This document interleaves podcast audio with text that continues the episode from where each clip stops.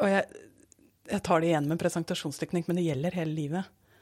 Og det at vi Jeg tror det å huske at det er i pausen at det skjer Det er men Trening er et godt bilde på det. Fordi hvis du skal bli sterk, så betyr jo ikke det at du skal løfte vekter 24 timer i døgnet. Det betyr at du skal løfte vekter, og så skal du restituere. Og den restitusjonen er det vi ofte glemmer. Og det ser jeg når folk skal forberede en presentasjon, så jobber, de setter av åtte timer til det. Eller de setter av kanskje to timer til å jobbe på presentasjonen konsentrert. Og så har de masse møter og avgjørelser som skal ta resten av dagen. Mens det som hadde vært mye mer effektivt, var å jobbe en time med presentasjonen og så gå en lang tur resten av dagen. For det er da hjernen får lov til å være kreativ og finne frem ting. Så vi kan ikke bare ta inn og putte ut hele tiden. Vi trenger pauser. Vi trenger masse pauser.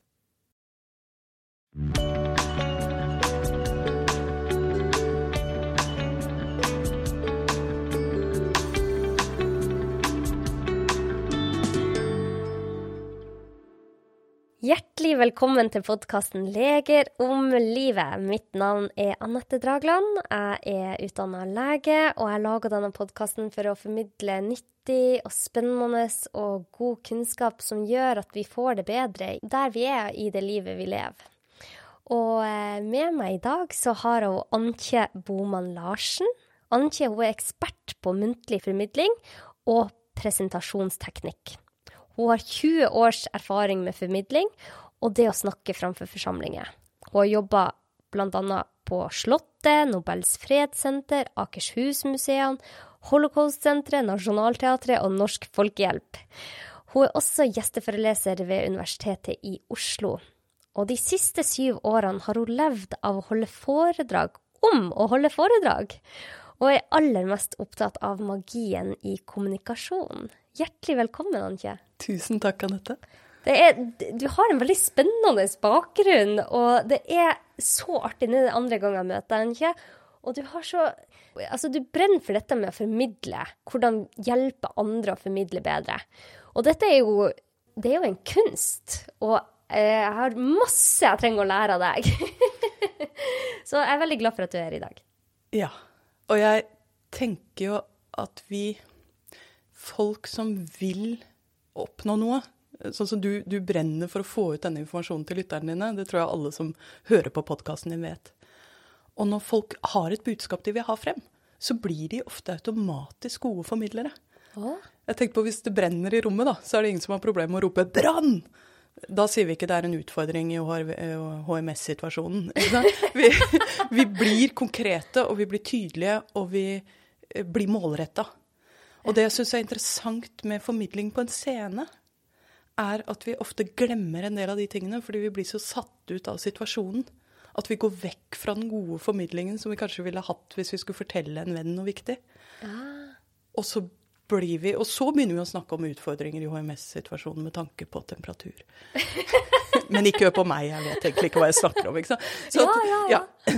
Så, så det jeg min jobb Jeg håper ikke at du tror at jeg sitter på noe du ikke vet, for du er kjempegod på fagformidling. Det eneste jeg prøver å gjøre, er å minne folk på det når de skal gå på en scene også. Ja, for det er så lett at da skal man være så Man skal si alt helt rett og flott og riktig. Altså det skal bli så Det blir nesten litt stakkato. Mm. Ja, og det blir Altså stakkato kan egentlig være fint, fordi det gjør jo at vi følger med. Ja en litt for lang pause. Da spisser folk ørene, ikke sant? sånn at eh, jeg, jeg tror Så lenge vi har en god intensjon, så tror jeg vi gjør ting naturlig veldig riktig. Mm. Men det som skjer på scenen, er ofte at vi blir selvopptatt. Ja. Og det er det jeg opplevde, da, og grunnen til at jeg jobbet så mange steder, og sånn, er at jeg bodde i utlandet som, eh, da jeg studerte. Så jeg bodde i Danmark, Sverige eh, Nei, ikke Sverige. Sveits. Litauen. Eh, og til slutt i Berlin. Og de jobbene jeg kunne få da, det var jo sånne strøjobber som bartender og ganske sånn uh, dårlig betalte, tøffe jobber. Ja. Eller jeg hadde norsken min som gjorde at jeg fikk jobb som omviser på museer.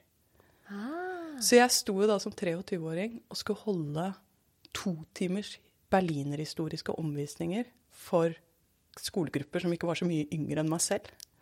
Og dette er før smarttelefonen. Så de, de hadde jo ikke De ble ikke stående og se på telefonen hvis de kjedde seg. De gikk. Ja. Så da ble jeg kastet ut i det å snakke foran folk. Og så oppdaget jeg at det hadde jeg lært meg på skolen. Hvor jeg tenkte at nå skal jeg vise hvor mye jeg kan. Og så skal jeg snakke på en god og tydelig måte. Uten å ta for lange eller for korte pauser. Den måten å formidle på, det gjorde jo bare at de forsvant. Ja. Så da ble jeg veldig sånn trent i liksom, hva er det som gjør at folk, folk faktisk følger med, og blir med videre da, gjennom et museum. Og så kom jeg hjem til Norge og fullførte en mastergrad i idéhistorie. Og det er jo vi idéhistorikere, vi går på arbeidsmarkedet til filosofene. Så okay. det, det, er ikke, det er ikke like ettertraktet som le, nyutdannede leger. Det er litt vanskeligere å få seg jobb. Litt vanskeligere å få seg jobb. Det er, det er veldig smalt arbeidsmarked. Oi. Så det som gjorde at jeg da fikk jobb, var jo at jeg hadde erfaring med å snakke foran folk. Og første jobben jeg fikk da, det var som omviser på Slottet. Og siden så har jeg hatt masse sånne omvisejobber, og så ble det mer og mer kurs også for voksne og i arbeidslivet. Ja. Så jeg, jeg har jo ikke lært å holde presentasjoner basert på å lese Aristoteles og retorikken og sånn. Jeg har lært det på hva er det som skal til for at folk blir med videre.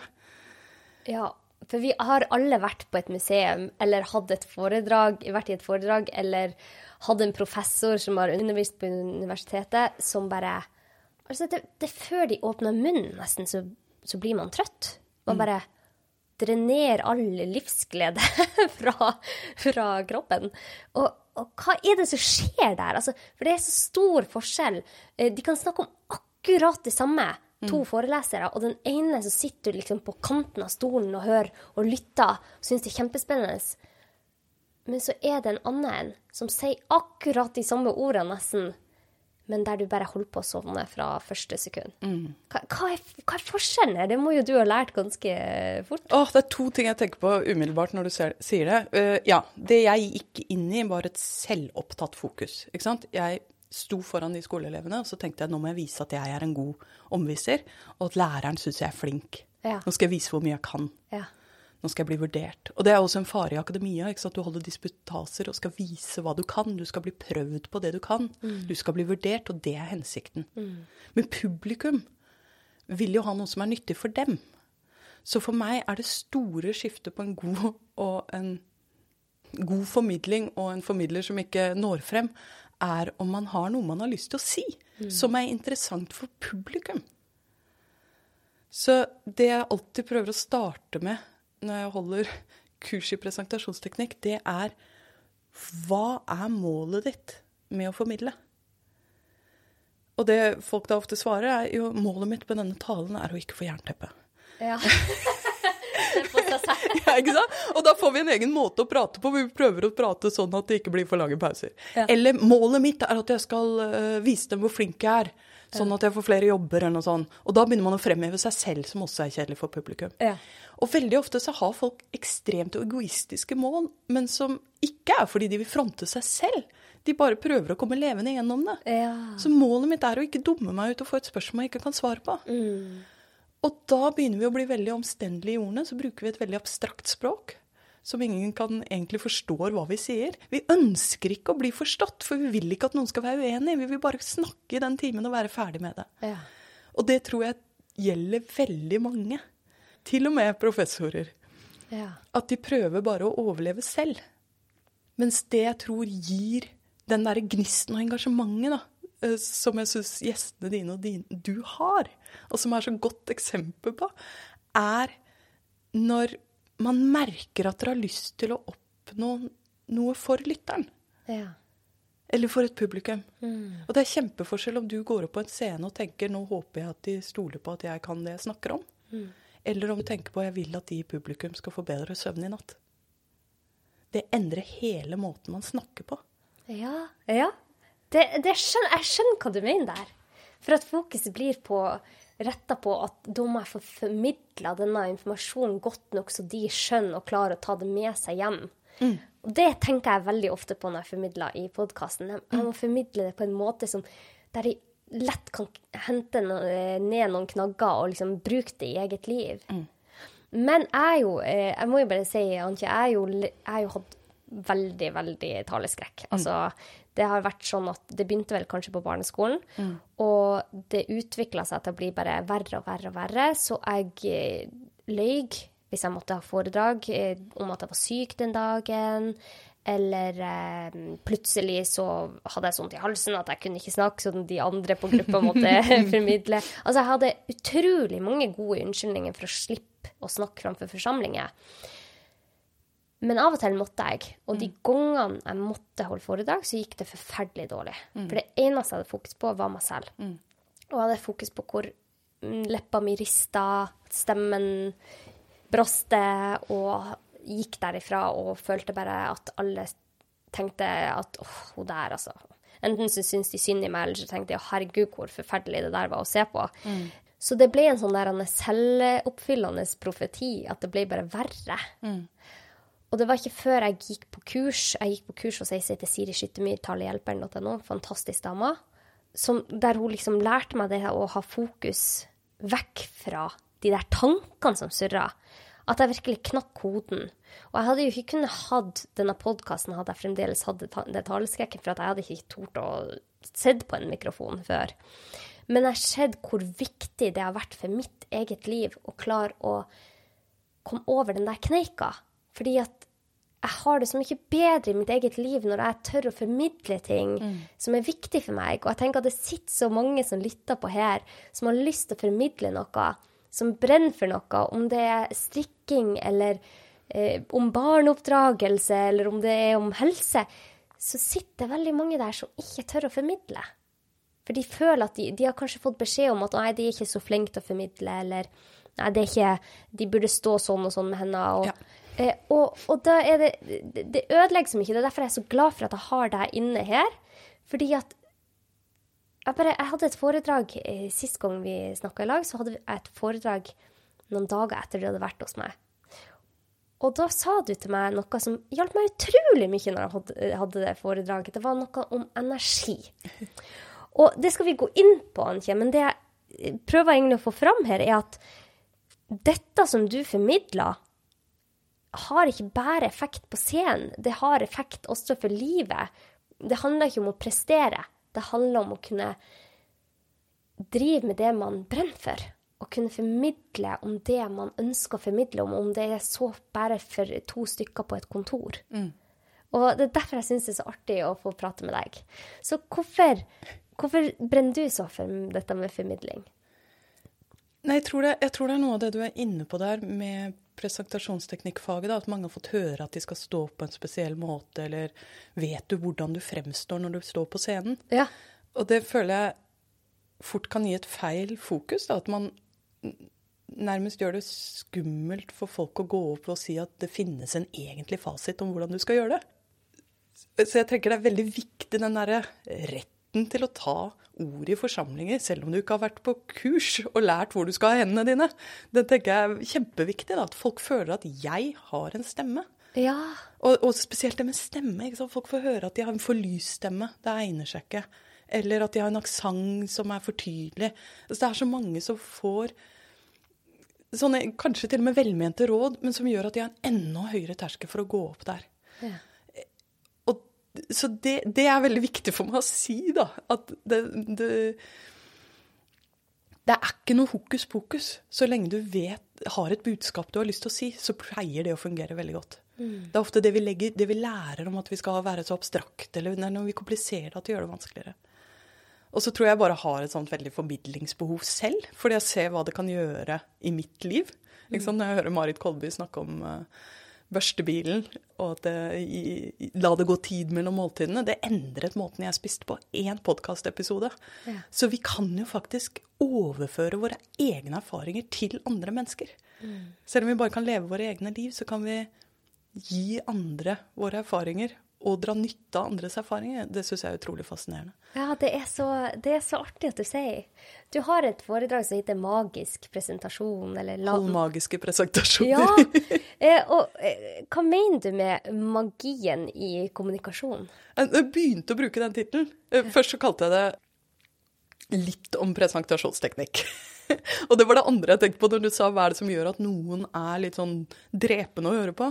Og det tror jeg ofte er at de ikke ønsker å bygge forventning. De går inn i rommet med en sånn her skjer det ikke noe. eh, og det var jo det det foredraget litt om presentasjonsteknikk. ikke sant? Du vil ikke ha forventning. Du vil ikke gå på en podkast og snakke om magisk presentasjonsteknikk. Du vil snakke litt om presentasjonsteknikk. Men når jeg begynte å bruke den tittelen, så var det jo fordi jeg var tvunget til å selge meg selv og foredraget. Men det var Så jeg visste ikke helt akkurat hva jeg mente med det, men det var et eller annet jeg opplevde i salen. Eh, av og til når jeg selv satt i publikum, eller når jeg sto på scenen. Og det er de der øyeblikkene hvor det er helt stille, alle lytter, og så bryter latteren løs, eller det går et sukk gjennom salen. Og hvor det er et det er et eller annet i rommet der som jeg visste at var mer enn det jeg bidro med. Og derfor begynte jeg å bruke, snakke om magien som publikum bringer inn i rommet. Og så har jeg jo satt meg litt mer inn i det og prøvd å skjønne hva jeg selv mener med det. Og så googlet jeg magi. Og da fant jeg en definisjon som jeg syns var helt to the point. Og det er at magi er når en enkeltperson får tilgang på overnaturlige, usynlige krefter og kanaliserer det for å oppnå endring.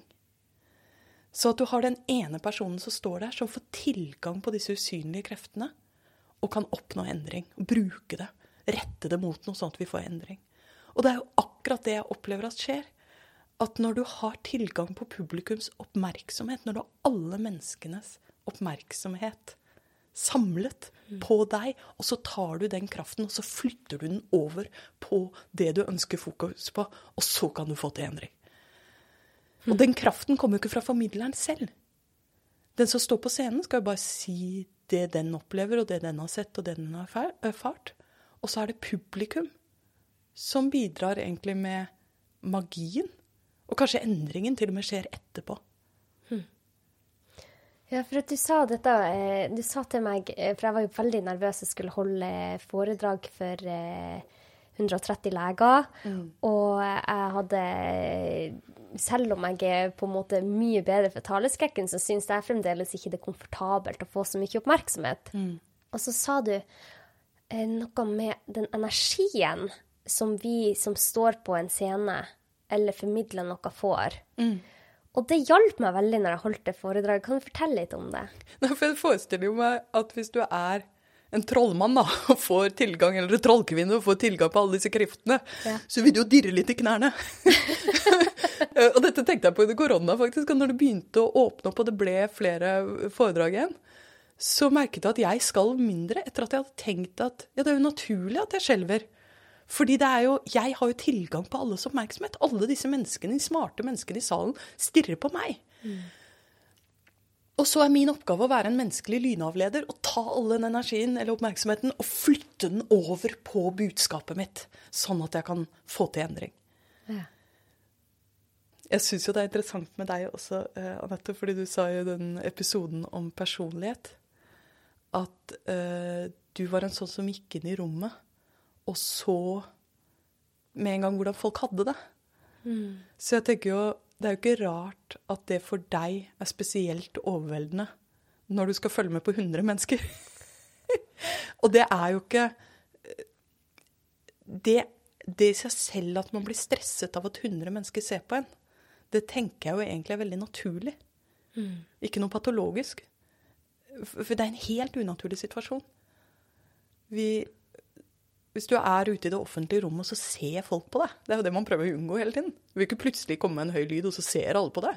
Det er kjempepinlig. Vi vil ikke ha fremmede menneskers oppmerksomhet på oss. Nei. Vi vil ikke at alle i et rom snur seg og ser på oss.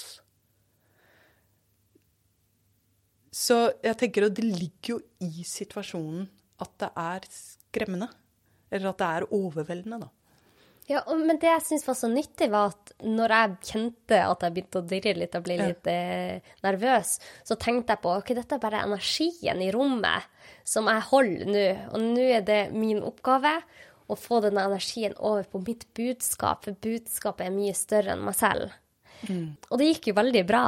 Men det var så, jeg syns det var så godt det der du sa, at du kommer til å kjenne på den energien. Mm. Og den kan gjøre at du dirrer eller blir nervøs eller ja, kan sette deg litt ut, men da er det bare å holde fokus, Legg den energien over på det du skal formidle. Jeg det er bare, jeg har aldri hørt det fra noen før. Nei, jeg merker jo det hvis jeg står på scenen og lurer på hvor jeg skal gjøre av hendene mine, som er et selvsentrert fokus, så blir jeg mer og mer stressa. ja. Mens hvis jeg tenker OK, jeg er kjempestressa. De ser at jeg er stressa. Men hva var det jeg skulle si? Da slapper jeg av litt. For da har jeg en annen oppgave enn å skulle ikke virke stressa. ja, så ufarliggjør du det litt. Jeg gir opp litt mitt eget ego, da, kan du si. Jeg bare gir opp. Kan være de ikke liker meg, og der fikk jeg et skeptisk blikk. Men det er ikke det som er målet mitt. Jeg skal si de tingene, tre tingene her. Ja. Å, dette er så artig. Men eh, hvorfor er måten vi kommuniserer på viktig? Sist vi snakka, Anke, så sa du, nevnte du flere eksempler på kommunikasjon som, har, eh, som bidrar til endring. Hva, hva er det som er viktig for oss å tenke på? Det er ett sånt grep som jeg syns er veldig nyttig. Og det er å tenke på om ordene vi bruker, er sansbare eller ikke. Hvis jeg snakker om noe abstrakt, som ordet abstrakt ikke sant? Ordet abstrakt er ikke sansbart. Det har ikke noen lukt, det har ikke noen smak. Vi kan ikke se det for oss, annet enn bokstavene. Så er det litt tungt å følge med på. Nå, akkurat nå er det litt tungt for lytterne å følge med. De syns kanskje det er interessant, men det krever litt av de. Ja. Men hvis jeg snakker om noe som faktisk er konkret, noe som er sansbart, så skjer det noe annet. Så hvis jeg nå sa til lytterne dine at vi sitter og drikker kakao, at du har laget kakao med marshmallows, smeltet marshmallows, brent smeltet marshmallows, så er det ikke det lytterne Dette er jo ikke en sånn podkast hvor vi bare øh, smalltalker. Men det er lett å følge med på. Hva var det de drakk? De drakk kakao med, med brent marshmallows. Det kom med en gang. Men hva var det hun sa om abstrakt og konkret igjen? Det var litt sånn ikke sant? ja. Fordi- og det er fordi jeg snakker om noe som er sansbart. Og da snakker jeg til sansene. Sånn, for ordet kakao, det kan jeg se for meg. Jeg kan se for meg en kopp kakao. Da lager jeg kanskje den koppen selv. Marshmallows, sjokolade. De smakene kan jeg finne frem. I min egen hjerne.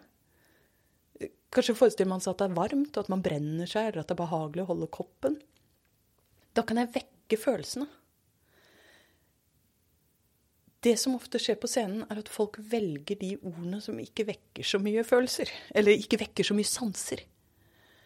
De snak Man velger ofte et språk som er litt sånn som vi har lært i utdanningen. Vi tar det opp på et abstrakt nivå, og så snakker vi om helsefremmende tiltak. Ja. ja. Og ø, typer næring som gir mye fiber. Vi snakker ikke om brokkoli. Og så vil man ikke ha den diskusjonen om brokkoli versus potet. Man, man vil holde det litt sånn vagt. Ja, ja, ja. Å, herregud, det, det er så mange her som formidler på den måten der. Ja. Ja. Og det, og det, det, det syns jeg er veldig godt på den podkasten, fordi du går veldig sånn ned på helse, og så, går du, og så er det, jobber du veldig for å få de der konkrete tiltakene man kan gjøre.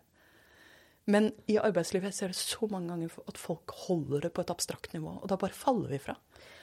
Vi vil ikke bli tatt på noe. vil ikke bli tatt på noe. Nei. Eller man har, tenker at man skal være litt sånn nøytral og profesjonell.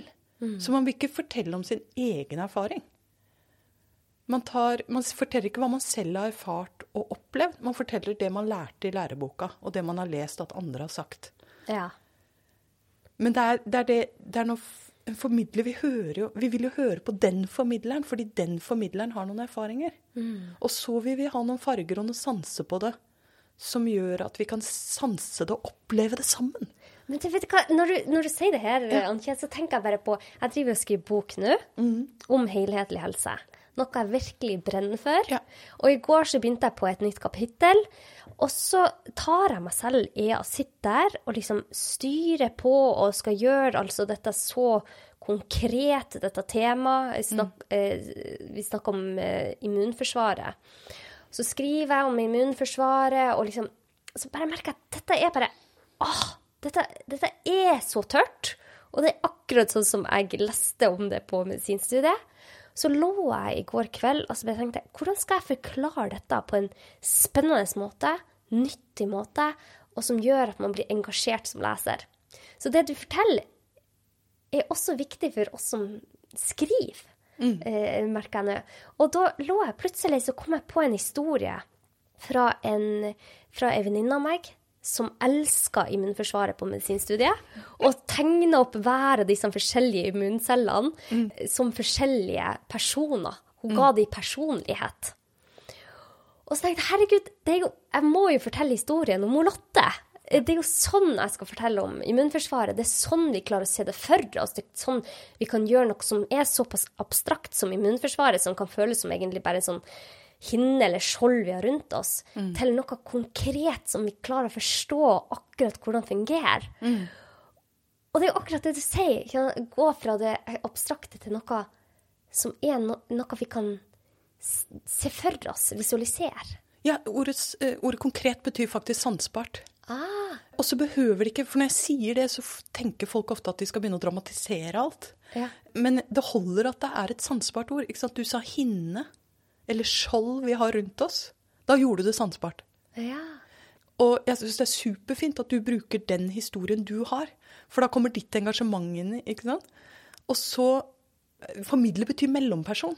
Så du bygger den broen gjennom dine erfaringer ved å formidle dine erfaringer. Og, dermed, og eksempler på det du snakker om. Og så er det jo ikke sånn at vi ikke trenger det abstrakte nivået. Og din evne til å tenke helhetlig og abstrakt rundt det er jo noe av det som gjør at du kan formidle det. Men det som gjorde at vi forsto det og kunne trekke våre egne erfaringer opp på et høyere nivå, det hjelper oss ikke i formidlingen, for der må vi bli enklere igjen. Vi må gå ned på det enkle nivået og fortelle de enkle fortellingene om at ja, sånn opplevde jeg det. Ja. Jeg syns det var veldig gøy når du hadde Marius Sørli. Ja. Uh, han fokustreneren. Ja. Han, skal, han gjorde det jo helt nydelig. Ja. Han skal fortelle hvor fokus, hvor viktig det er. Ja. Og den historien han forteller, er at han ligger på sofaen og ser en YouTube-video når han føler seg som en taper, og så sier han på YouTube-videoen 'Føler du deg som en taper?' Den historien, det eksempelet, det var helt nydelig forklart, og eh, det påvirket meg veldig. Ja. Men egentlig det han sier, er jo bare 'dette har jeg sett på YouTube'. ikke sant? Ja. Så det er jo det er, det er helt sånn enkelt. Det er ikke noe fiksfakseri på det eksempelet. Men fordi det er hans erfaring, han har følelser knyttet til det, han forteller det, og det blir sansbart for oss, så opplever vi det med han. Og jeg følte på hans engasjement, og det påvirket meg. Og jeg fikk et bedre fokus ikke sant? enn uh, før jeg hørte han snakke om det. Ja. Ja, så jeg, jeg tror vi skal være veldig uredde for å fortelle de små, rare assosiasjonene vi har til noe. Eller bare sørge for at vi alltid gir et eksempel. Når du snakker om grønnsaker, nevn brokkoli. For det er mer sansbart. OK, så det er et konkret eh, eksempel fra din side, da. At hvis jeg skal La oss si at jeg skal formidle om noe utrolig tørt.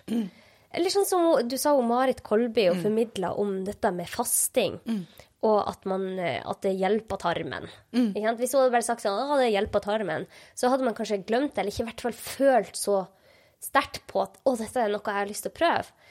Men når hun sier noe så konkret som at børstebilen går gjennom tarmen din, så får du jo lyst til å oppleve det. Og det, det setter seg på et annet vis. Ja, altså, Mar Mari Kolbe, Noe av det som gjør henne til en utrolig god formidler, er at hun klarer å gjøre det sansbart for oss. Og hun sier, hun sier nemlig hun sier kroppens naturlige prosesser må få jobbe uforstyrret. Ikke sant? Kroppens naturlige prosesser som har behov for å få lov til å fullføre uforstyrret. Ja. Det, det sier hun også. Og så forteller hun om børstebilen. Ja. Så hun tar det abstrakte, og hun klarer å gi oss et bilde. For hun forteller, jeg regner med at hun forteller om at hun har sett denne børstebilen på noen eh, laboratoriebilder eller et eller annet. ikke sant? Og da husker vi det. For den børstebilen er utrolig sansbar, og jeg lager jo et bilde av den oppi huet mitt. Så da har jeg begynt å jobbe med min egen fantasi. Og jeg er involvert på en helt annen måte. Mens det første abstrakte, da jeg måttet skrive ned for å klare å lese opp. Ja. Mens børstebilen, den husker jeg jo. Og, og folk jeg eh, har bor sammen med en åtte år gamle datter, og så rumler det i magen min. Og så snur hun og ser på meg, og så sier hun 'børstebilen'. bilen'. Jeg husker ikke engang at jeg fortalte det til henne. Men det setter seg. Det har så god klistereffekt. Ja. Jeg, jeg har et eksempel til som jeg syns er spennende Ja. fra en episode av det. Siri Dalsmo Berge, Ja. en legen som er opptatt av parforhold. Ja. Hun har et veldig gøy eksempel her. Og det syns jeg viser at vi trenger også det abstrakte nivået, da. For hun snakker om respons. Du spør henne hva er det som gjør et godt parforhold, og så svarer hun det er respons. Og ordets respons, ikke sant? Det lukter vi ikke, vi smaker det ikke, vi kan ikke visualisere det. Men så gir hun det eksempelet. At la oss si at sitter, du sitter i en bil med en partner, og så peker du på noe ut av vinduet av bilen. Vindu, bil, peke. Det er sansbart. Ja. Og så sier du 'se der'. Og da gjør det stor forskjell om partneren sier ja, mm, eller ikke. Så da har hun det, det, betyr jo ikke, ikke sant? For hvis man da tenker Det er jo ikke det som er respons. Det er ikke sånn at hvis du skal ha et godt parforhold, så må du kjøre bil. Men det er et ett eksempel på det. Ja. Og det å tørre å gi ett eksempel, selv om det handler om så mye mer, det Ja. Det har, det har, effekt, og det er litt morsomt, for at etter denne episoden så fikk jeg utrolig mye tilbakemelding på akkurat responsdelen av det. Ja. 'Å, jeg skal formidle det til samboeren min. Jeg syns at hun gir altfor lite respons.' liksom, det, de sitter igjen med det der bildet, ja. da. Men når man formidler, da, har For du, du nevner dette med konkret mot abstrakt, at det, det er bra for oss som lytter eller som er i salen, mm. at vi får noe konkret mm. å feste disse knaggene på. Mm. Men har kroppsspråk noe å si? Ja, vi kan godt bruke kroppen, men jeg jeg, jeg, skiller litt mellom tidlig og sent i en presentasjon her. Fordi, og dette er litt som i et parforhold. I starten av et parforhold så er det ingen som spør om hvordan kan de bevare gnisten. Ikke sant? Da er det sånn Det er altfor mye! Vi så på hverandre.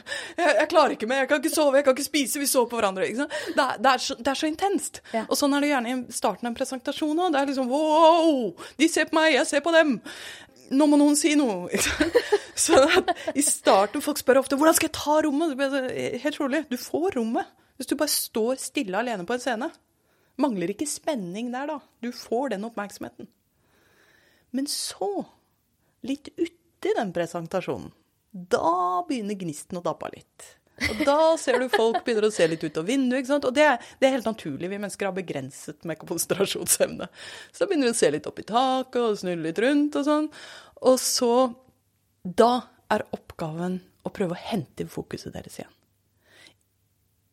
Og det er det tidspunktet hvor jeg tenker det ikke er så dumt å begynne å se på hva er det du gjør med kroppen din. Jeg ville aldri sett på hendene mine eller tenkt på hvor jeg har de de fem første minuttene på scenen. For da blir jeg bare helt uh, forstyrret. Ja. Og de oppfører seg kjemperart, så da bare lar de være i fred.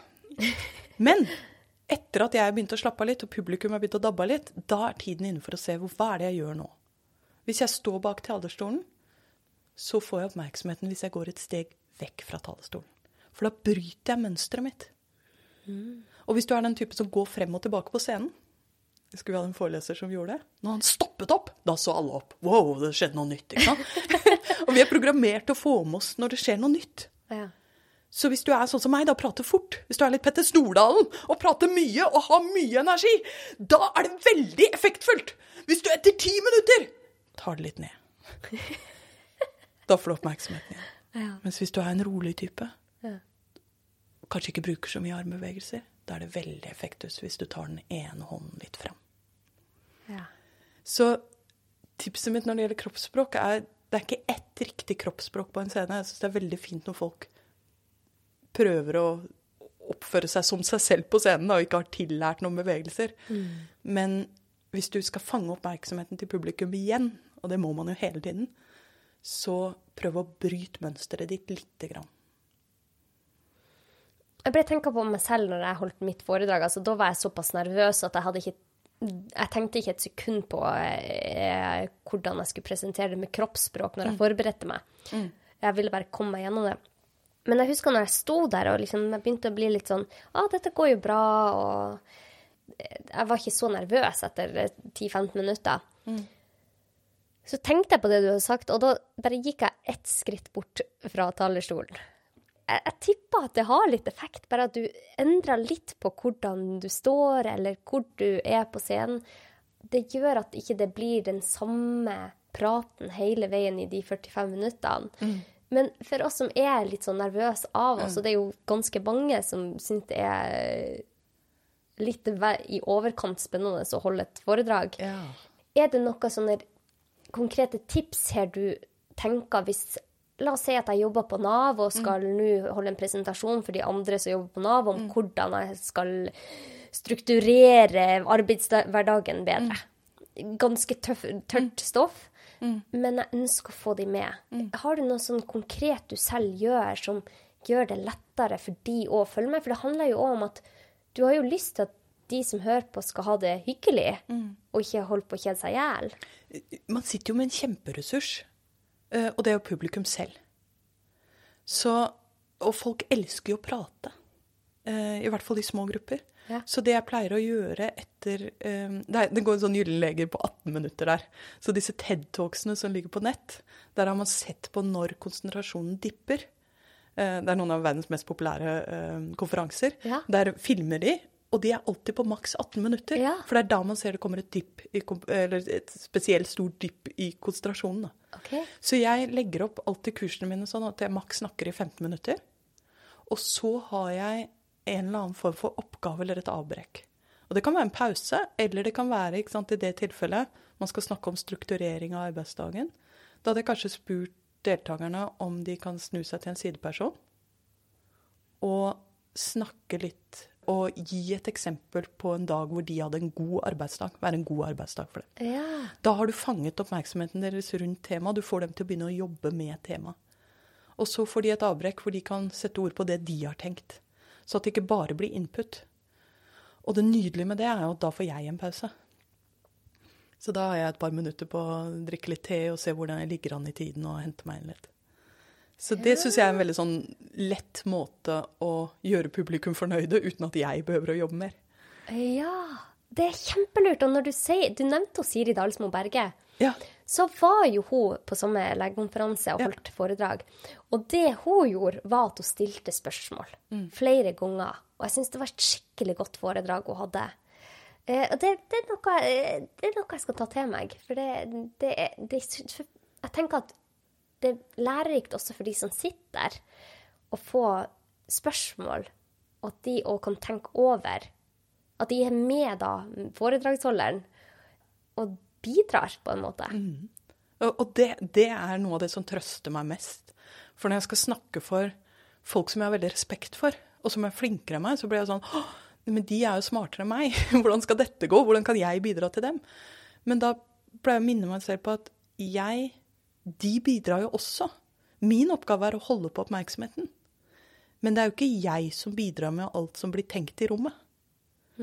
Jeg skal bare fange oppmerksomheten deres rundt temaet, og så skal de jobbe videre med det. Så folk sitter jo ikke med tomme hjerner og lytter til en. De sitter jo der og tenker. Ja. Og så snakker jeg om noe sansbart. ikke sant? Da har jeg fanget oppmerksomheten deres, og så fyller de inn med alle de abstrakte, smarte tingene. og så får de kanskje snakke med sidepersonen, og så snakker de i lunsjen. Og så kan de være veldig fornøyde, selv om foredragsholderen kanskje ikke bidro, bidro med noe nytt for dem. Ja, Ja. det er interessant. Dette er så spennende å snakke om. Tror du at det vi lærer om formidling, har Altså, tror du at det du lærer bort om formidling, har nytteverdi i kommunikasjon i hverdagen også? At det har overføringsverdi? Ja, absolutt. Eh, Spesielt det der med et selvsentrert fokus versus å tenke på noe utenfor seg selv. Jeg, gitt min utdannelse, da, så har jeg vært på mye jobbintervju. Og jeg husker at det gjorde meg ekstremt nervøs, og jeg begynte å snakke på en sånn rar måte. Mens nå, eh, etter at jeg har trent mye å stå på scenen, så har jeg også eh, nå, Siden jeg jobber for meg selv, så har jeg masse møter som på en måte er en slags intervjusituasjon, hvor du kanskje eller ikke får et oppdrag på en arbeidsplass etterpå. Ja. Men nå blir jeg overhodet ikke nervøs for de, og jeg gleder meg til det. Og det er fordi jeg har trent meg selv i å fokusere på dem. At jeg ikke går inn i det rommet og tenker nå skal jeg vise hva jeg kan. Jeg tenker nå, nå skal jeg finne ut av hva de jobber med, og hvordan de tenker rundt dette, og hva som er deres utfordringer. Og da blir jeg rolig. Og det kan jeg forestille meg en lege som sitter, sitter bak skrivebordet og tenker nå håper jeg at pasienten synes jeg virker som en kunnskapsrik lege. Ja. Det fungerer dårlig, ikke sant. Ja. Nå skal jeg vise hva jeg kan. Mens det som fungerer veldig godt, er den derre OK, hvem er dette? Hvordan kan jeg bidra her? Hva er det jeg kan? Hvordan kan jeg hvordan kan jeg være en god formidler mellom budskap og publikum her? Den tanken, Det er det jeg syns er så fint med det, at det gjør oss til bedre formidlere, men det gjør oss også roligere. Det kan jeg kjenne meg veldig igjen i. For før, når jeg hadde så taleskrekk, så det, hadde jo det og overføringsverdi til eh, hverdagen. Så hvis jeg hadde inne med pasientene mine, så har jeg alltid følt veldig mestring. Jeg, føler, jeg føler at jeg er en god lege, jeg føler at jeg ser pasienten min. Men når jeg prater med andre leger i starten av turnuslege, så syntes jeg jeg ble så nervøs. Jeg var så redd for å fremstille meg på en dårlig måte, at jeg ikke klarte å presentere kasustikket, altså pasienten, på god nok måte. Og fokuset ble hele tida på hva jeg sa, ordene. 'Å nei, hvorfor sa jeg den setninga?' Mm. det, altså, det var så vanskelig å formulere meg. Og jeg tok meg selv i å formulere meg utrolig mye bedre til pasienten min enn til en kollega.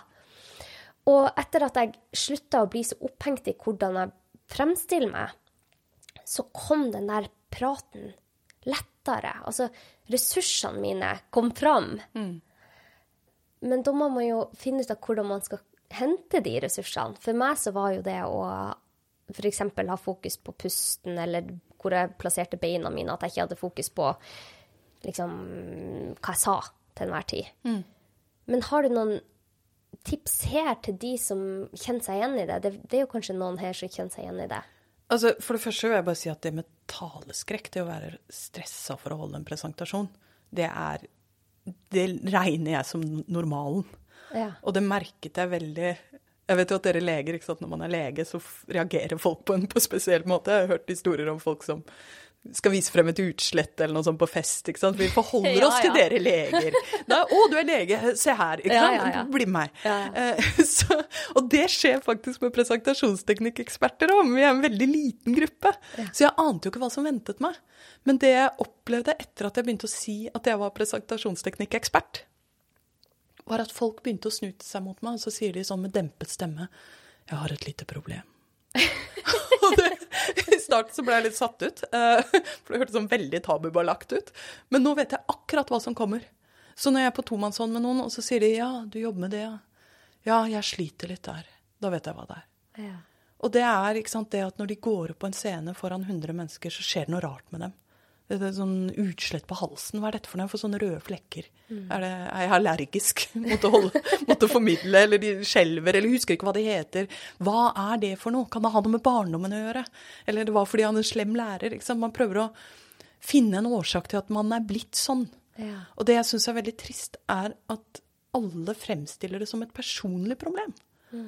Men jeg vet jo etter hvert at det gjelder veldig, veldig mange. Og jeg skulle ønske vi kunne tenke på det som å hoppe i fallskjerm. Noen syns det er kjempespennende. Andre, sånn som meg, vil aldri gjøre det. og det er ikke fordi jeg tenker at jeg har et personlig problem med fallskjermhopping. Det er fordi det er langt ned. Og det å stå foran en forsamling og alle ser på deg, det er en unaturlig situasjon for et menneskedyr. Ja. Hva var det du spurte Nei, om, det syns jeg var så fint. Jeg syns det er så fint at du bare ufarliggjør dette. Fordi jeg tror vi sitter alle på våre eh, egne At vi alle sitter hver for oss og tenker at det kun angår oss. Men de aller fleste kjenner på det, sier du. Selv de som holder foredrag ofte. Mm. Og det gjør det så mye enklere for oss. Ja, og nå husker, nå husker jeg hva du spurte om. Det var det med å klare seg i situasjonen. Eh, hva man kan gjøre. Og jeg opplever jo det der fokusskiftet du snakker om, som veldig viktig. Men de tankene med 'liker de meg nå', det slutter aldri å komme. Så jeg står jo fortsatt på scenen og hører min egen tanke kjøre og gå med 'hvordan ser jeg ut på håret nå'? Nei, det er ikke vesentlig for formidlingen din. Det er ikke derfor vi er her.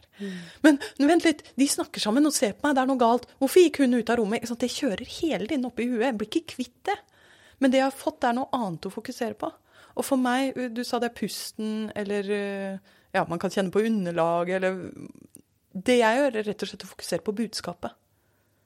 Og da har jeg ofte sånn Hva er de tre viktigste tingene jeg skal få sagt? Og det har jeg øvd meg på hjemme. Så jeg snakker meg gjennom hjemme. Og det er en måte å øve på det fokuset.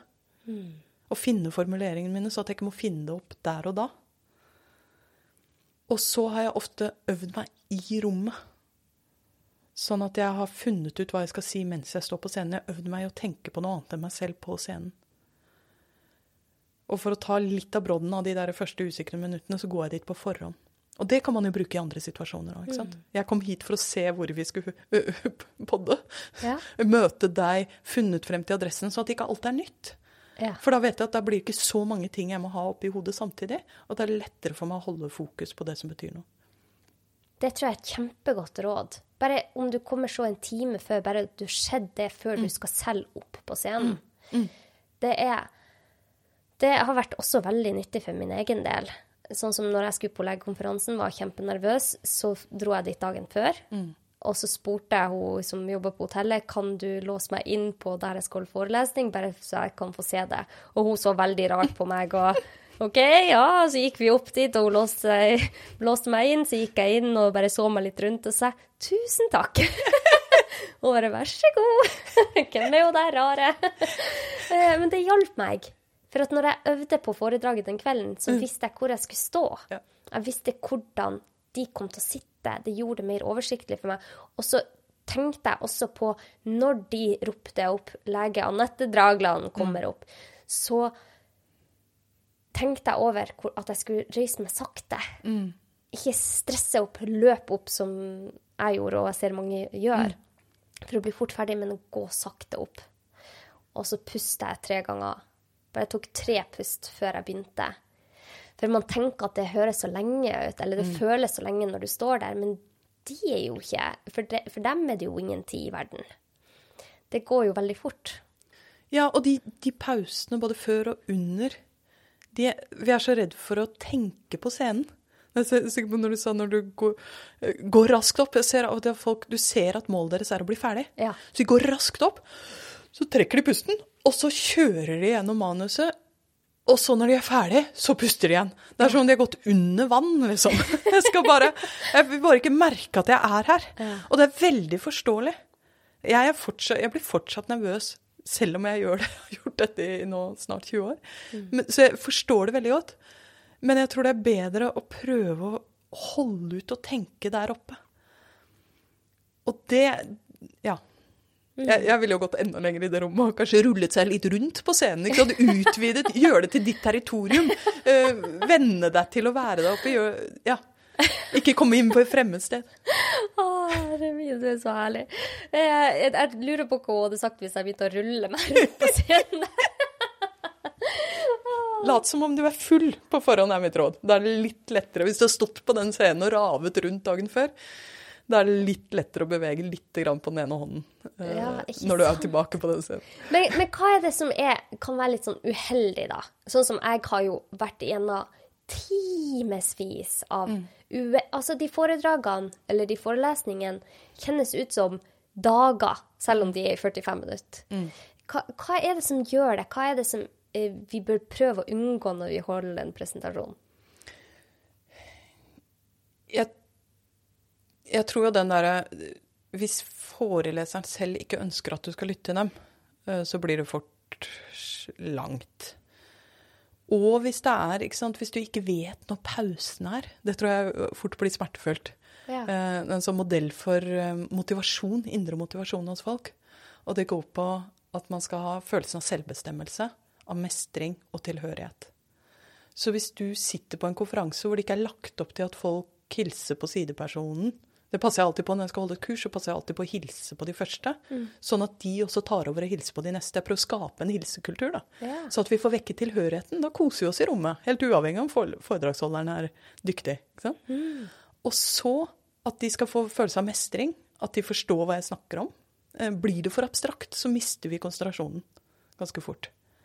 Eh, Men hvis vi innimellom Å, nå lærte jeg noe nytt! ikke sant? Da får vi et lite dopaminrush. Og så er det det med selvbestemmelse. Hvis du ikke vet når neste pause er, da er 45 minutter ganske lenge. Eller hvis folk går utover tiden, så går de utover den avtalen vi har med dem. Ja. Så det å overholde avtalene med publikum og Ja. Det, de, de tingene, da. Det kan ofte være det som har gått galt når folk sitter der og bare ah, Ja, det var nyttig at du sa. Jeg skjønner akkurat hva du mener. Når folk går langt over tida, så blir man urolig, selv om det er spennende. Ja. Fordi at vi har sett for oss at det er kvart på fire, da var vi ferdig for dagen. Det er veldig gode råd. Har du noe mer eh, du tenker er nyttig for oss, nå når eh, jeg er så heldig å ha deg her i studio? Jeg har jo tatt med noen tips Ja. eh, som du ba om. Ja, altså, jeg, Men jeg Ja. Du har eh, Vi har jo skrevet litt fram og tilbake. ja. Og du har utrolig mye godt å formidle. Du har utrolig mange gode råd til oss. Men jeg tenkte at vi skulle gjøre det om til ti formidlingstips mm. til oss som lytter på her nå på slutten. Klarer du å oppsummere det i ti, eh, ti tips? jeg, jeg, jeg klarer delvis å oppsummere det. Blir noe gammelt, noe nytt. Eller Ja. gammelt. Uh, Noe fra denne timen, noe nytt. Ja, det er veldig bra. Eh, Men jeg skal gi deg ti tips som jeg eh, Altså, jeg har kokt disse 20 årene ned til ti tips. Oi, oi, oi, jeg gleder meg! Og da er det spesielt for den som skal stå på en scene da, foran et publikum. Ja. Og det første, det er det jeg har snakket om, kom tilbake på gang på gang. Ha et mål som ikke handler om deg selv. Selvfølgelig har man mange mål om ikke å dumme seg ut, ikke få jernteppe, virke kunnskapsrik osv. Men ha et eller annet du kan flytte fokuset ditt over på. Da er det mye lettere å stå der, og man tar mye bedre valg i forberedelsene. Så fra helt fra starten av spørre seg selv hva er det jeg ønsker å oppnå her som er interessant for publikum. Og jeg mener helt enkelt. Så når du snakker om søvn, ikke sant, jeg vil gi dem tre søvntips. Det kan være. Ja. Da har du noe annet du kan flytte fokus over på. Så lenge jeg klarte å formidle tre søvntips, så skal jeg være fornøyd i dag. Ja, ikke sant. Og det kan være jeg får et jernteppe som varer i 30 minutter, men hvis jeg har 45 minutter på meg, så rekker jeg det allikevel. Ja. Og jeg gjør også det, ikke sant. Jeg, har, jeg skriver alltid ned hva er de tre viktigste tingene jeg skal si. Så, så nå så vet jeg at OK, jeg får sagt de tingene. Det må jeg i hvert fall få med. Så det å ha noen, når den hjernetokken går over, da, eh, tar over, og bare ha noen ting det, hvis powerpointen går ut, så skal jeg fortsatt si de tingene her. Det andre tipset mitt, det har vi ikke snakket om, men det tenker jeg er kjempeviktig. Og det er å gjøre research på publikum. OK. Ja, for research så tenkte du mm, ikke sant? Men nei, på publikum. Formidler, tror jeg allerede har sagt det, betyr mellomperson. Så du er en mellomperson mellom budskapet og publikummet. Det folk veldig ofte gjør, er å lese opp på budskapet, som de kanskje har jobbet med i fem år eller tre måneder, når de skal snakke til publikum, men så vet de ikke helt hvem publikum er. Ja. Og du blir en enda bedre mellomperson hvis du faktisk vet hvem du snakker for. Ja. Jeg har et eksempel på det som jeg syns var helt fantastisk. Jeg kaller det, kaller det publikumskompetanse. Og det var fikk leamus i den høyre leggen. Nå skal jeg ikke spørre deg om råd rundt det, eh, Anette. Jeg har allerede googlet det. Så jeg sitter da ikke sant, og skrev på noe om presentasjonsteknikk, og så får jeg den leamusen, og så tenker jeg ah, hva skal jeg gjøre med det her? Jeg googler det. Kjempefin distraksjon. Og så finner jeg ikke noe ut, liksom, det var ikke så veldig mye behandling av leamus i høyrelegen, eh, men jeg finner et brev som er skrevet til en nettdoktor av en mann som også har leamus i leggen. Og han mener da, i denne, dette innlegget, at det ikke er ALS. Ja. Sa jeg det riktig? ja, ja, ja. Og legen er enig i at dette ikke er den dødelige sykdommen ALS. Så det jeg da gjør neste gang jeg får leamus i leggen og sitter og egentlig skal jobbe, er at jeg googler ALS. Å nei. Ja, Anette, jeg gjorde det. Ja. Og det, det tar jo noen timer, ikke sant? Ja, det- og det- livet er jo ødelagt. Uff. Og så husker jeg jo det, for jeg husker jo når internett kom, at man skal ikke google symptomer. Nei. Det var jo det første vi gjorde, ikke sant? Ikke gjør det. Ikke billedgoogle sykdommer. Nei, nei, nei. nei. Spesielt ikke hvis du ikke studerer medisin. Nei. Så, så jeg slutter med det, da. Glemmer denne greia.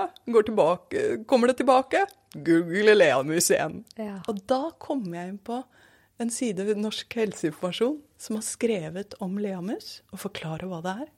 Og vet du hva de skriver? Leamus er ikke forvekselbart med ALS. Det er ingen sammenheng mellom disse to. Oi.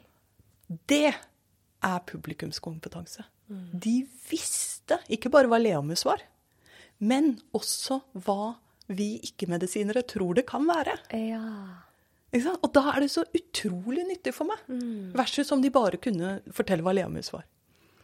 Så hvis du forstår hva folk trenger, da, eller hva de Ofte så sier man en for, god formidler er en formidler som kan mye om faget sitt. Jeg sier en god formidler er en formidler som vet hvor lite publikummet deres kan om faget. Ja. Ja, Så gjør research på publikum. Å, men det er skikkelig bra at du sier. Og så tenker jeg, det er jo stor forskjell å, å snakke til en ungdomsskoleklasse enn å snakke til en gjeng med professorer. Altså, det, det er jo nyttig å omformulere enkelte ting. Men jeg må jo òg si at jeg- Faktisk i dag så hadde jeg et møte med en venn av meg som heter Herman. Han har vært i podkasten Herman Egenveg. Og vi har av og til sånne workshops på eh, Bare for å høre hva den andre gjør, og hvordan det går. Og han Herman skriver også bok. Og da snakka vi om dette med at hvor viktig det er å gjøre Formidle ting som både en lege vil synes er interessant, men også noen som ikke har noe kompetanse på det. Og der Det føler jeg egentlig aldri blir feil, fordi at jeg har veldig, veldig mange eh, lyttere som er leger, psykologer, sykepleiere, hjelpepleiere, som kan mye. Men som syns det er spennende det jeg formidler om, selv om jeg snakker om det på et folkelig språk. Så det å ikke prøve å virke så veldig smart hele tida, tror jeg er en nytteverdi. Det, det har nytteverdi. Absolutt. Herman er fantastisk fantastisk meg. Og det, når du nevner Herman, så får jeg også lyst til å si det at når han driver motiverende intervju, så blir de jo alltid konkrete når de skal oppnå endring. ikke sant? Ja. De blir alltid gå inn på det sansbare som skal endres. Det er aldri generelt. Nei. Ja, det var Ja, bare en tanke. Han er veldig god der. Ja, og det er derfor det er så morsomt å høre på hans podkast med motiverende intervju. Fordi de er så konkrete, det er så sansbart, og vi kjenner oss igjen i det. Men det er, det er en ting jeg tenker på når det gjelder hvem du snakker til. Og det er ofte- sett i råd om at du skal forberede deg foran et speil eller filme deg selv. Og da har jeg merket at det fungerer så dårlig for meg. For da, blir, da glemmer jeg jo hvem jeg skal snakke til. Da driver jeg bare og vurderer meg selv. Så jeg drar heller til den skolen på forhånd og ser aulaen og elevene og blir minnet om hvor gamle de er. Og så merker jeg å ja, nei, den historien passer kanskje ikke så godt for de. Men hvis du bare står og ser på speilet og vurderer deg selv, så glemmer du jo hvem er det jeg egentlig formidler til. Ja. Ja, det er veldig bra. Og så er jeg helt enig i at det er bedre å ta det ned, for det syns hvis du klarer å gjøre det konkret og enkelt, så vil de som har mye kunnskap om det, være fascinert av det. Og så fyller jo de på med, med det kompliserte, ikke sant? for det har de oppi sitt eget hode. Ja. Ja. Ah, vet du hva, jeg syns det er så artig å snakke med deg, Antje. Eh, Det, det, det, det er bare utrolig givende å ha denne praten. Takk. Er, altså for meg så er det jo Jeg er jo liksom i Hva skal vi kalle det? Det stedet hvor noen av de beste norske formidlerne blir intervjuet. Så jeg, jeg er jo helt uh, høy. Jeg aner ikke hva jeg sier. Men kom vi, Ja, nå må ok. du Punkt nummer tre. Og vi kommer til punkt ja, nummer er tre. Punkt, punkt nummer tre det er et av de punktene jeg alltid har med i kursene mine, som er kjempeviktig, og det er å ta valg. For ofte så samler vi bare mest mulig informasjon, skal vise hvor mye vi kan, og så får vi ikke tid til å dykke ned i det, for vi skal ha med alt. Ja. Og jeg er sikker på at flere som hører på, i hvert fall, har hørt et foredrag som slutter sånn her. Ja, da er jeg kommet til det jeg egentlig skulle snakke om. ja. Og, OK, det er bare to minutter igjen av tiden. Ok, men da bare um, klikker jeg gjennom de siste 20 slidesene, ja, og så sender jeg det ut uh, til dere i etterkant. Ja, ja, ja, ja. ja. Eh, og det er fordi vi, vi liker ikke så veldig godt å ta valg. Det, det, det koster hjernen litt, da. Og så utsetter vi det, og så er det mye tryggere å bare samle, samle, samle, enn å ta valg til en situasjon vi ikke kjenner. Og det er derfor jeg sier det, men start med tre viktigste tingene det publikummet trenger å vite om det temaet. Og da har du også noe du kan fokusere på. Veldig bra.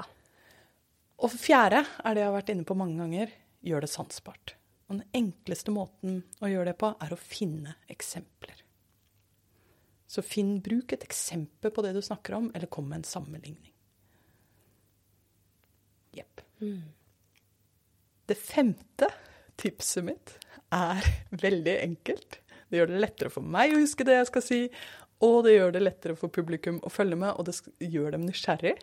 Og det er å nummerere. OK. Ja, for hvis noen skrur av denne podkasten, så er det sannsynligvis ikke midt i den tierlista. For nå er det jo ti ting de skal få vite. Ja. Ja, Nå er det kanskje noen som gjør det av ren rebelskhet, og det skal du få lov til.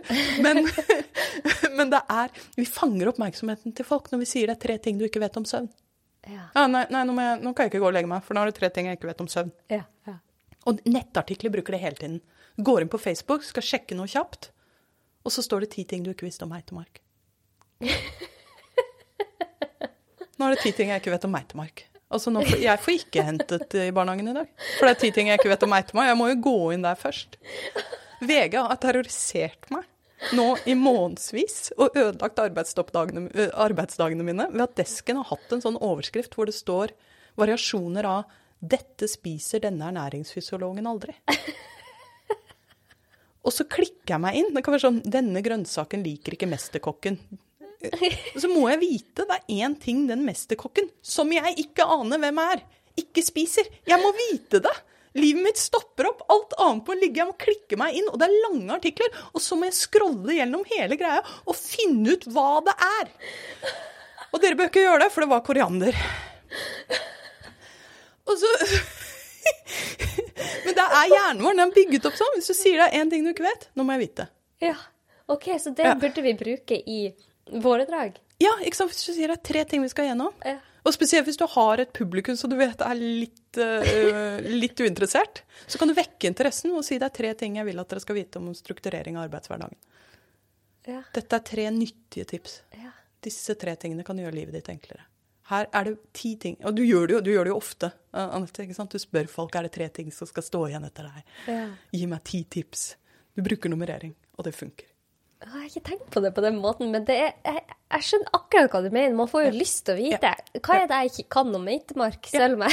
Ja, hva er de ting, ting? Å, herregud, Anke. OK, vi må videre. Ja, Det sjette tipset er, og det gjorde jeg veldig mye i det forrige tipset, skape forventning. Ja. For hvis du merker Ofte så øh, vi å være nøytrale. Vi har lært at vi ikke skal øh, Typisk akademikere ikke skal, skal, ikke, skal ikke være for forutinntatte. Skal ikke legge for mye følelser inn i det. Skal holde det nøytralt. Men det En nøytral mellomperson er en veldig dårlig formidler. Vi, må, vi kan godt være kritiske, vi kan være skeptiske, vi kan være sinte med, eller engasjerte, men vi kan ikke være nøytrale. For da får vi den udynamiske måten å snakke på, hvor jeg egentlig bare gjengir noe du kunne funnet et annet sted og som står på nett. Og det mangler jo ikke på kunnskap i våre dager. Du finner alt dette på en annen side. Så det er jo det Ja. Så tørre å skape forventning. Når du gjør det, så høres det sånn ut. La oss se på det fra et evolusjonsmessig standpunkt. For det er så kjempespennende. Er når, du sier det er så kjempespennende, så lytter jeg, ikke sant? Anette sa det var spennende. Da vil jeg høre hvordan det er å se på dette fra et evolusjonsmessig standpunkt. Ja, det det er veldig nyttig at jeg er så nysgjerrig. For da vil også lytterne òg føle på den nysgjerrigheten, kanskje. Ja. Ja, OK. ja, vi speiler, spesielt på scenen, ikke sant? vi speiler den vi lytter til. Ja. Så når du sitter og føler at noe er veldig, veldig kjedelig, så er det nok fordi foreleseren ikke ut, viser noe engasjement selv. Nei. Og det gjør vi jo ikke, for vi vil jo ikke. Vi vil jo være, Folk leter ofte etter bekreftelse fra salen. Og så blir det sånn 'ja, skjønner du hva jeg sier?' Og så speiler publikum med et blikk som sier 'vi skjønner hva du sier'. Og så blir, kommer man inn i en sånn tung loop. Ja. Ja, så Tør å gi litt før du får noe tilbake. Skap forventning. Ja, den der speilinga, det er jo utrolig spennende. Også det forskes jo på dette, og hvordan vi automatisk speiler den vi ser på. Vi er jo empatiske dyr. Og den som står på scenen, har vanvittig påvirkning. Fordi alle ser mot den. Og de speiler hverandre òg. Hvis sidepersonen ler, så ler du litt mer. Så det å tørre å liksom vise 'nå kommer det en spøk'. Og jeg prøver igjen. Du må gi litt før du får tilbake, da. Du kan ikke vente på bekreftelse, du må bare gi og gi. Ja. Punkt nummer syv er det jeg snakket om å se rommet på forhånd. Det tror jeg gir veldig mye mindre eh, skrekk i øyeblikket. Og punkt nummer åtte, det er også relatert til det her, eh, det er også et praktisk tips, og det er å finne fram tøy dagen i forveien. ja. Fordi jeg ser, i hvert fall med meg selv, at det stresset jeg føler en dag hvor jeg skal ut i et nytt sted, det handler ikke så mye om prestasjonsangst eller sceneskrekk som det handler om at Oi, hvor går bussen? De, kan jeg sykle? Hvor er sykkelen? Det er masse nye ting som skal skje på morgenen. Ja. Og de morgen, morgenen, altså morgenen er jo stressende i seg selv, Ja. men når du da legger på et eller annet om at du skal et nytt sted du ikke har vært før, og du skal ha på deg kanskje noe annet enn det du pleier å ha på deg fordi du vil stå på scenen, og så blir du stressa, og så finner du ikke noen rene sokker, og så blir du nervøs av rene sokker. ja. Eller mangel på rene sokker. Så liksom å legge frem de praktiske tingene, ordne alt det i god tid, da slipper du at det stresset kommer i tillegg. Så ikke blande inn hverdagsstresset. Det syns jeg er utrolig nyttig. At jeg legger fram alt jeg skal på meg. Ja. Eller at jeg har sett for meg Altså, jeg blir jo fremdeles litt nervøs foran hver eneste innspilling. Fordi at jeg føler et sånt ansvar om at dette, jeg må få det beste ut av mine gjester og den kunnskapen de sitter på. Så jeg bruker, og når jeg forbereder meg, så bruker jeg å se for meg hva jeg skal spørre deg, om når du kommer hit. Hvordan eh, ja, hvordan jeg skal legge opp episoden. Det gjør det nyttig for meg. Det, det er jo kjempesmart at du gir rom for at dette er en At det er noe som krever noe. Og det syns jeg vi skal anerkjenne. Det er ikke sånn at fordi jeg holder mye kurs eller foredrag, at jeg ikke At det ikke koster meg noe. Det koster å stå på en scene og gi masse til masse mennesker. Det koster å ha en innspilling med mange tusen lyttere. Eh, Men å skape rom for det, så blir det mye mindre stressende, syns jeg. Det niende tipset, det er et sånt tips folk elsker, eh, og det er litt synd, for jeg har ikke funnet det på selv. Men det er rett og slett å bruke B-tasten på tastaturet. Jaha. Den som skriver bacon, ikke sant? Du vet hvilken jeg mener? Ja. Blåbær? Ja. B-tasten har nemlig en skjult evne. Og det er at hvis du trykker på den mens du holder en powerpoint-presentasjon, så blir skjermen svart. Nei, Jo! bare én gang. én gang på B-tasten. Og det fine med det er at sant, den skjermen den drar mye magi. Den trekker til seg mye av de kreftene i rommet. Og det er nyttig med powerpointer hvis du har noe du skal blåse opp, eller du ikke vil ha rampelyset på deg selv. Men det å få å skru den av vil ha en stor effekt. Så hvis du skrur av powerpointen, så får du all oppmerksomheten på deg. Da har du tilgang på de kreftene. Da sier du det viktigste. Og så er du kanskje lei av å ha all den oppmerksomheten og vil ha tilbake den powerpointen. Og da har jeg visst om disse tastene før, at det er taster jeg kan trykke på. Men jeg har aldri funnet rett tast igjen. Så begynner du å taste overalt, ikke sant? så får du panikk. Ja. Det geniale med B-tasten er at det er samme tast for å få tilbake powerpointen. Så nå har dere kontroll på powerpointen deres, i stedet for at det er powerpointen som kontrollerer dere. Åh, det, jeg elsker det. Jeg elsker det. Nå er jeg skikkelig spent på hva som kommer på nummer ti. Nå legger jeg opp forventninger. Å nei!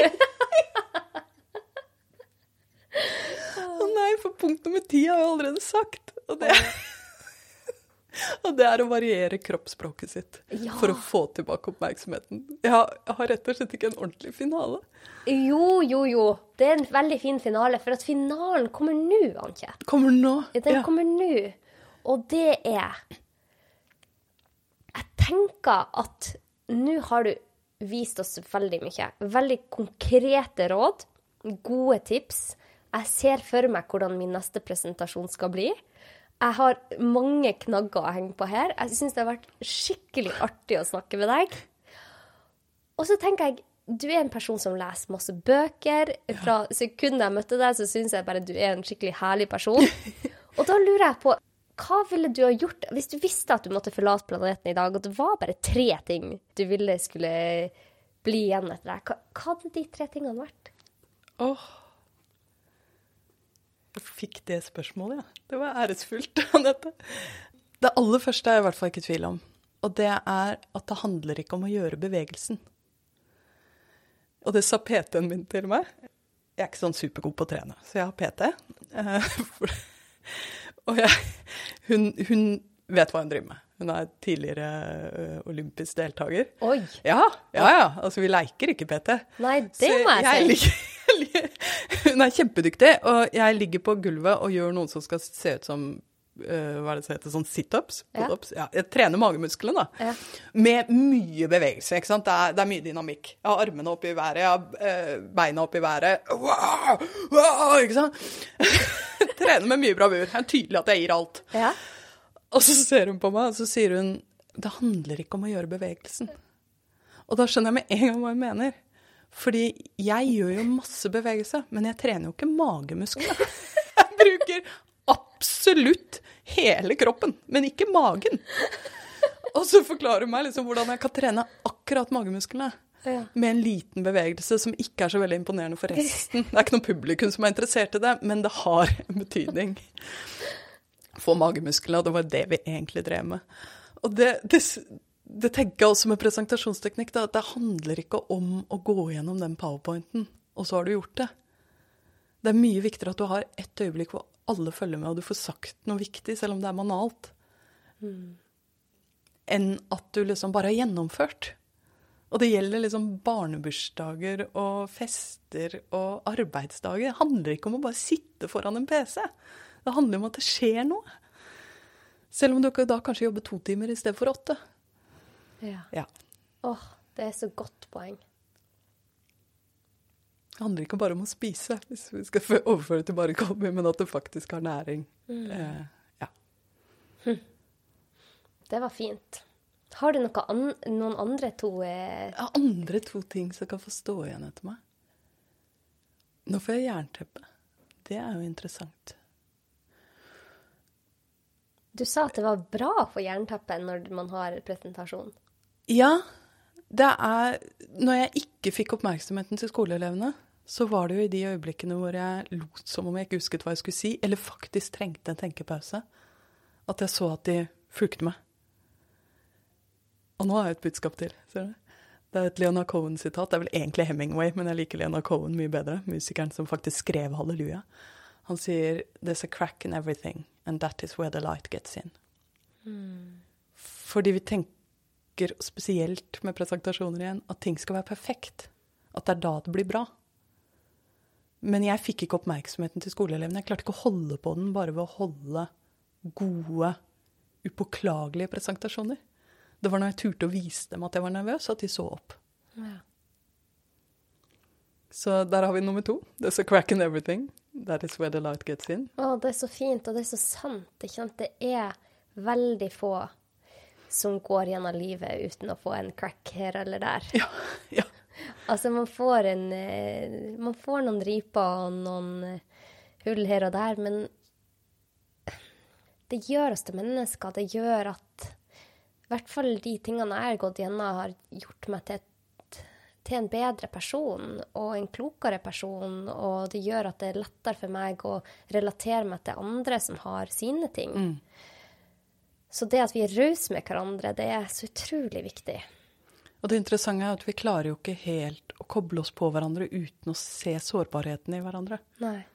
Så det er når man viser de sårbarhetene, at man faktisk kan føle den tilknytningen.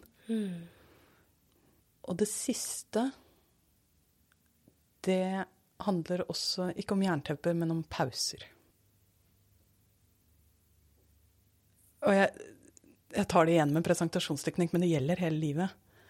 Og det at vi Jeg tror det å huske at det er i pausen at det skjer Det er trening da, et godt bilde på det. Fordi hvis du skal bli sterk, så betyr jo ikke det at du skal løfte vekter 24 timer i døgnet. Det betyr at du skal løfte vekter, og så skal du restituere. Og den restitusjonen er det vi ofte glemmer. Og det ser jeg når folk skal forberede en presentasjon, så jobb, de setter av åtte timer til det. Eller de setter av kanskje to timer til å jobbe på presentasjonen konsentrert. Og så har de masse møter og avgjørelser som skal ta resten av dagen. Mens det som hadde vært mye mer effektivt, var å jobbe en time med presentasjonen og så gå en lang tur resten av dagen. For det er da hjernen får lov til å være kreativ og finne frem ting. Så vi kan ikke bare ta inn og putte ut hele tiden. Vi trenger pauser. Vi trenger masse pauser. Åh, det syns jeg var fint. Og jeg merka det selv nå når jeg skriver boka, at jeg trenger pauser. Så tenker jeg, og det er de pausene jeg får fram det jeg virkelig vil formidle. Det er da det, jeg klarer å visualisere det. Det er den roen. Og det er òg litt sånn når man vil formidle noe, og man har egoet med seg, så står det i veien for deg. Når du slipper ned egoet ditt og bare formidler det du ønsker å formidle, så kommer det så mye bedre ut. Og det kommer ut det, Altså, den ressursen du, du har, den kommer mye bedre fram, da. Men det kan føles som et press hvis man bare åtte timer skal jeg skrive bok i dag. Da blir det sånn vanvittig press å få ut noe. Og da er det ofte egoet ditt som skriver. Mm. Eh, så de der pausene, de er kjempeviktige for meg. Det, det er jo en historie i Why We Sleep. Hvorfor, ja, den finnes på norsk òg, 'Hvorfor vi sover'. Ja. Hvor han forteller om en pianist som øver og øver, og så sover han. Og så neste dag så ser han at søvnen har like stor effekt som all øvingen. ja. Og det merker jeg når jeg skriver, at jeg, jeg eh, skriver, og så legger jeg til side. Og så morgenen etter så får jeg rettet opp like bra, eller eh, redigerer det like bra som hvis jeg hadde sittet hele gårsdagen med det. Ja. Så jeg tenker på liksom det å gå en tur, være med venner, gjøre ting som ikke er output eller input, som en viktig del av arbeidsdagen. Ja, det var kjempefint sagt. Tusen takk for at eh, du har delt så raust i dag, Antje. Det har vært veldig morsomt. Jeg har litt vondt i smilemusklene mine. Og så har det vært veldig nyttig. Så tusen takk. Er det noe sted mine lyttere kan nå deg? Jepp. Eh, Jeg finnes på Instagram. Akkurat fått meg Instagram-konto. Ja, relativt nytt. Ja. Eh, Der heter jeg magiske understrek presentasjoner. Ja. Deler Magiske jeg- presentasjoner med Ja. understreke mellom. Med understreke mellom. Og der deler jeg ukentlige tips i presentasjonsteknikk. Og så er jeg på LinkedIn. Der heter jeg Antje Bohan Larsen. Det heter jeg også i virkeligheten. og der deler jeg også ukentlige tips. Um, ja. Og så har jeg et nyhetsbrev. Jeg, hvor, ikke overraskende, jeg deler ukentlige tips. Der har jeg litt mer plass til å skrive. Ja. Uh, Så der deler jeg så godt jeg kan det jeg har lært. Og det finner dere på, både på Instagram og LinkedIn i profilen der, så er det lenke til det. Perfekt. Da vet dere hvor dere finner henne hvis dere har noen spørsmål. Og hvis dere har noen spørsmål om episoden, så kan dere bare skrive under i kommentarfeltet. Og hvis dere har noen spørsmål til meg, så finner dere meg på Instagram på Dr. Anette Dragland og på Facebook. Og ja, med det så tenker jeg at vi takker for oss i dag. Tusen takk for at du tok deg tid til å lytte, og tusen takk til deg som abonnerer. Og eh, med det så ønsker vi dere en kjempefin dag. Å ja! Og hvis du har lyst til å, å legge inn en kommentar på podkasten på der du lytter til podkast, eller gi en rating, så har det så mye å si, for at da får vi ut podkasten til flere. Det er sånn det når ut til flere. Så tusen takk for det. Og tusen takk til deg, Anette. Det har vært det var veldig gøy å snakke med deg. Og tusen takk for alle de gangene jeg har lyttet til deg. Det har vært veldig nyttig. Tusen takk, Antje.